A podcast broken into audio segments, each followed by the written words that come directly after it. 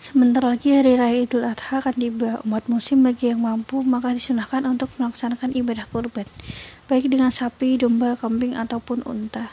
Setelah penyembelihan dan pemotongan disunahkan pula untuk membaginya di hari itu.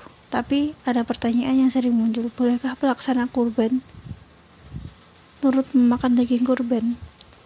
Hewan yang telah disembelih dan dipotong dagingnya maka wajib dibagikan pada tetangga sekitar. Adapun pelaksanaan ibadah kurban, boleh turut mengonsumsinya sebagian. Telah disebutkan dalam firman Allah ayat 36 surat Al-Hajj yang artinya kemudian apabila telah rebah atau mati maka makanlah sebagiannya dan berilah makan makanan makanlah orang yang merasa cukup dengan apa yang ada padanya dan orang yang meminta demikianlah kami tundukkan untukmu agar kamu bersyukur.